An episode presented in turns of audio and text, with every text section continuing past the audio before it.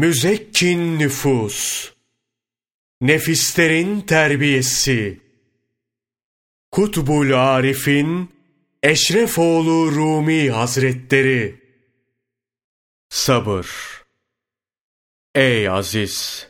Sabırlı olan, sabırla sıfatlanmış kişi çok talihlidir. Hak Teâlâ'nın katında derecesi yüksektir. Sabırlı olan, sevgili bir kuldur. Bu sebeple Allah Celle Celaluhu Bakara suresi 153. ayeti kerimede Allah sabredenlerle beraberdir buyurmuştur. Sabır denen güzel huy kişiyi hayvanlıktan insanlığa yükseltir. Maksadı için sabreden ona kavuşur. Fakirliğe sabreden zenginliğe, düşmana sabreden zafere, ayrılığa sabreden de vuslata erer.'' Sabır, sevincin anahtarıdır denmiştir. Sabrın bir çeşidi yok. Onun da türleri ve mertebeleri vardır. Hak Teâlâ, her birinin mertebesine göre sevap verir. Bunlardan her birini anlatacağım. İnşallah sen de sabredenlerden olur, kitabın müellifine de dua edersin. Sabrın birincisi, şiddet ve musibete sabır, İkincisi, ibadet ve taatin zahmetine sabır. Üçüncüsü, günah işlememek için sabırdır. Ey aziz! Sabrın birinci kısmında geçen musibet nedir? Onu söyleyeyim. Musibet, nefse ağır ve zor gelen, nefsi inciten şeydir. Musibet de derece derecedir. Mesela, birinin yakını, davarı ve cariyesinin ölmesi, veya yakınlarından birinin hastalanması musibettir. İnsanın dünyalığının zarar görmesi, korktuğu şeyin başına gelmesi, zalim ve şerli kimselerin kötülüğüne uğraması, kıtlığın çıkması, hepsi musibettir. Sana ait olan kaşığın ve kalemin kırılması, ayağına taş düşüp diken batması, atının ayağının sürçmesi, çanağının ve çömleğinin kırılması da musibettir. Bu ve buna benzer musibetlere uğrayan müminler, sabredip sızlanmadan metanet gösterseler, Hak Teâlâ her bir musibet için cennette kişiye 300 derece verir. Her derecenin aralığı yerle gök arası kadardır. Sabreden kimi kullara da hesapsız ecir, mükafat vardır. Hak Teâlâ, Kur'an-ı Kerim'de Bakara suresi 155 ve 156. ayeti kerimelerde musibetlere sabredenlere vereceği sevabı şöyle açıklıyor. Andolsun ki sizi biraz korku ve açlık, mallardan, canlardan ve ürünlerden biraz azaltmayla deneriz. Sabredenleri müjdele. Onlar başlarına bir musibet gelince biz şüphesiz Allah'a aidiz ve şüphesiz ona döneceğiz derler. Anlaşılıyor ki musibet kişi için imtihan ve tecrübedir. Ayette biz sizi sınarız denmektedir. Dolayısıyla sınanmayı geçmek için düşman korkusuna veya başka bir musibete sabretmek gerekiyor. Allah'ın katındaki mükafatını düşünerek sabredilmelidir. Veya sabırsız davrananların Hak Teâlâ'nın katında göreceği ceza, horluk ve zilleti düşünerek. Kişi sabırlı olsa da, olmasa da Hak Teâlâ dilediğini yapar. Olacak olan olur. Bu durumda sabredip sabırlılardan olmak daha güzel ve makbuldür. Allah ona rahmet eylesin. Abdullah bin Mübarek şöyle der. Musibet birdir. Sabretmeyince ikileşir. Biri büyük, diğeri küçük musibet. Büyük musibet, sabretmeyerek, sabredenlere verilecek sevabı kaybetmektir. Küçük olan musibetse, maruz kalınan şeyin kendisidir.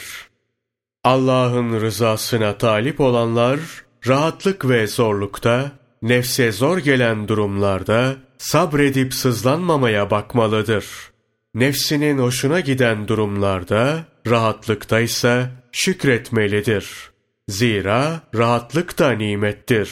Vaktinde nimete şükreden, zorluğa da sabreder. Böyleleri hem sabreden hem şükreden kul olurlar. Nitekim Resulullah sallallahu aleyhi ve sellem varlıkta ve yoklukta Allah'a hamd eden kimseler cennete davet edilirler buyurur. Her belaya sabretmek muhabbetullah'ın varlığına işarettir. Zira kişi muhabbet duyduğu zattan gelene sabretmektedir. Hak Teâlâ dostlarına bela taşlarını atar. Dostları da canu gönülden bu taşlara başlarını uzatır. Nitekim Nebiler Sultanı Muhammed Mustafa sallallahu aleyhi ve sellem şöyle buyurur. Hak Teâlâ kulunu sevince ona belalar gönderir. Bela gönderdiği vakitte belalara sabretme kuvveti verir. Azizim, öyle aşıklar var ki başlarına bela ve zorluk gelmiş veya hoşluk ve sevinç hiç fark etmez. Aşıklar rahatlıkla zorluğu bir tutar. Bu rahattır, bu da zorluktur demezler. Her ne gelmişse onu haktan gelmiş kabul ederler. Hak Teâlâ, halkın zahmet, sitem, töhmet ve zorluğunu aşıklara havale eder. Bunun karşılığında da onlara hesapsız ecirler verir. Cenabı Hakk'ın dünyanın bela ve zorluğunu dostlarına havale ettiğine dair birçok hadis ve delil vardır. Birkaçını beyan edeyim. Talip olanlar öğrensin belalara sabredip hakkın katındaki derecesini yükseltsin. Resulullah sallallahu aleyhi ve sellem şöyle buyurur. Bela ve musibet önce peygamberlere, sonra evliyaya, sonra da benzerlerine havale olunur. Hadis-i şeriften belanın Allah'ı sevenlere havale olunduğunu öğreniyoruz. Allah Celle Celaluhu önce sevdiklerine bela veriyormuş. O halde sabır böyle bir dostluğun ispatı anlamına geliyor. Levh-i Mahfuz'da Hak Teâlâ şöyle yazmıştır. Ben Allah'ım, benden başka ilah yoktur. Muhammed benim Habibim ve Resulümdür. Her kim kazama teslim olur, belalarıma sabreder, ve nimetlerime şükrederse ben onu sıddıklarla beraber yazar, haşrederim. Her kim belalarıma sabretmez, nimetlerime şükretmez, kazama razı olmazsa varsın kendine başka ilah istesin. Aziz kardeşim, bu sözlerde sabırsız olanlar için korku vardır. Hak Teâlâ sabırsız olanlar beni kendilerine Allah olarak kabul etmiyorlar demek istiyor. Onu kendine Allah bilmeyen putperest veya kafir olabilir. İyi okuduysan bu söyleyişte sabırsız olanların kafir olabileceklerine dair bir dokundurma, gönderme var. Sabırsızlık ne zor meseledir. Keşşaf isimli kitabın müellifi şöyle der. Sıddıktan murat, Nebi ve ashabın büyükleridir. Hak Teâlâ'nın yolunda sabretmek, nefsle mücadele içinde olmaktır. Riyazet ve perhiz yapmak. Gerçi bu, aşıkların, herkesin bildiği hususiyetleridir. Zenginlerin fakirle oturup kalkması, ihtiyaçlarını gidermesi, nefse çile çektirmek, gazap geldiğinde sabretmek, büyük meziyetlerdendir. Ey aziz! Allah yolunda sabreden erkek ve kadınlardan sana misaller getireceğim. Allah'ın sabreden kullarına nasıl yardım ettiğini, onları nasıl korkudan emin kıldığını gör, anla. Sonra da haktan ne gelirse ona sabretmeyi öğren. Saliha bir kadının hikayesi Allah kendisinden razı olsun. Saliha bir hanım varmış. Yemek pişirmek için tandırı yaktığı bir gün tandır yanıp kızıncaya kadar öğle namazı vakti girer. Bu hanımın süt emen bir çocuğu da varmış. Çocuğunu bir kenara oturtur, kendisi de abdest alıp namaza durur. Namazdayken çocuğu sürünerek tandırın kenarına varır. Kadın bunu göz ucuyla görür. Çocuğunun tandıra düşebileceğini aldırmadan namazına devam eder. Namaza devam ederken çıkan gürültüden çocuğun tandıra düştüğünü anlar. Yine de sabredip namazını bozmaz. Devam edip tamamlar. Namazı bitirip tandırın başına geldiğinde çocuğunun tandıra düştüğünü, ateşin içinde oynadığını, kılına dahi zarar gelmediğini görür. Onu bu halde görünce ağlamaya başlar. Ey Kadir! Hakim, ezeli ve ebedi Allah'ım! Ne kadar yaratılmış varsa hepsinin sahibisin. Hallerinden haberdarsın. Kullarına, annelerinden ve babalarından daha şefkatlisin. Dilersen ateşi gülistana çevirirsin. Sabursun, sabredeni seversin.